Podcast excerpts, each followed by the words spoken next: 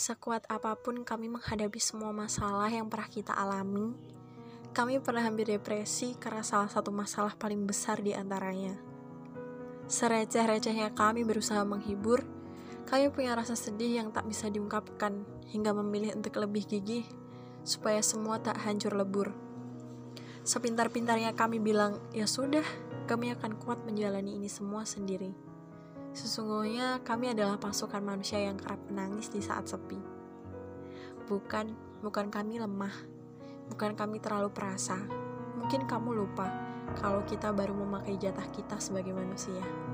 Sampai sini hanya akan ada beberapa orang yang akan mengerti.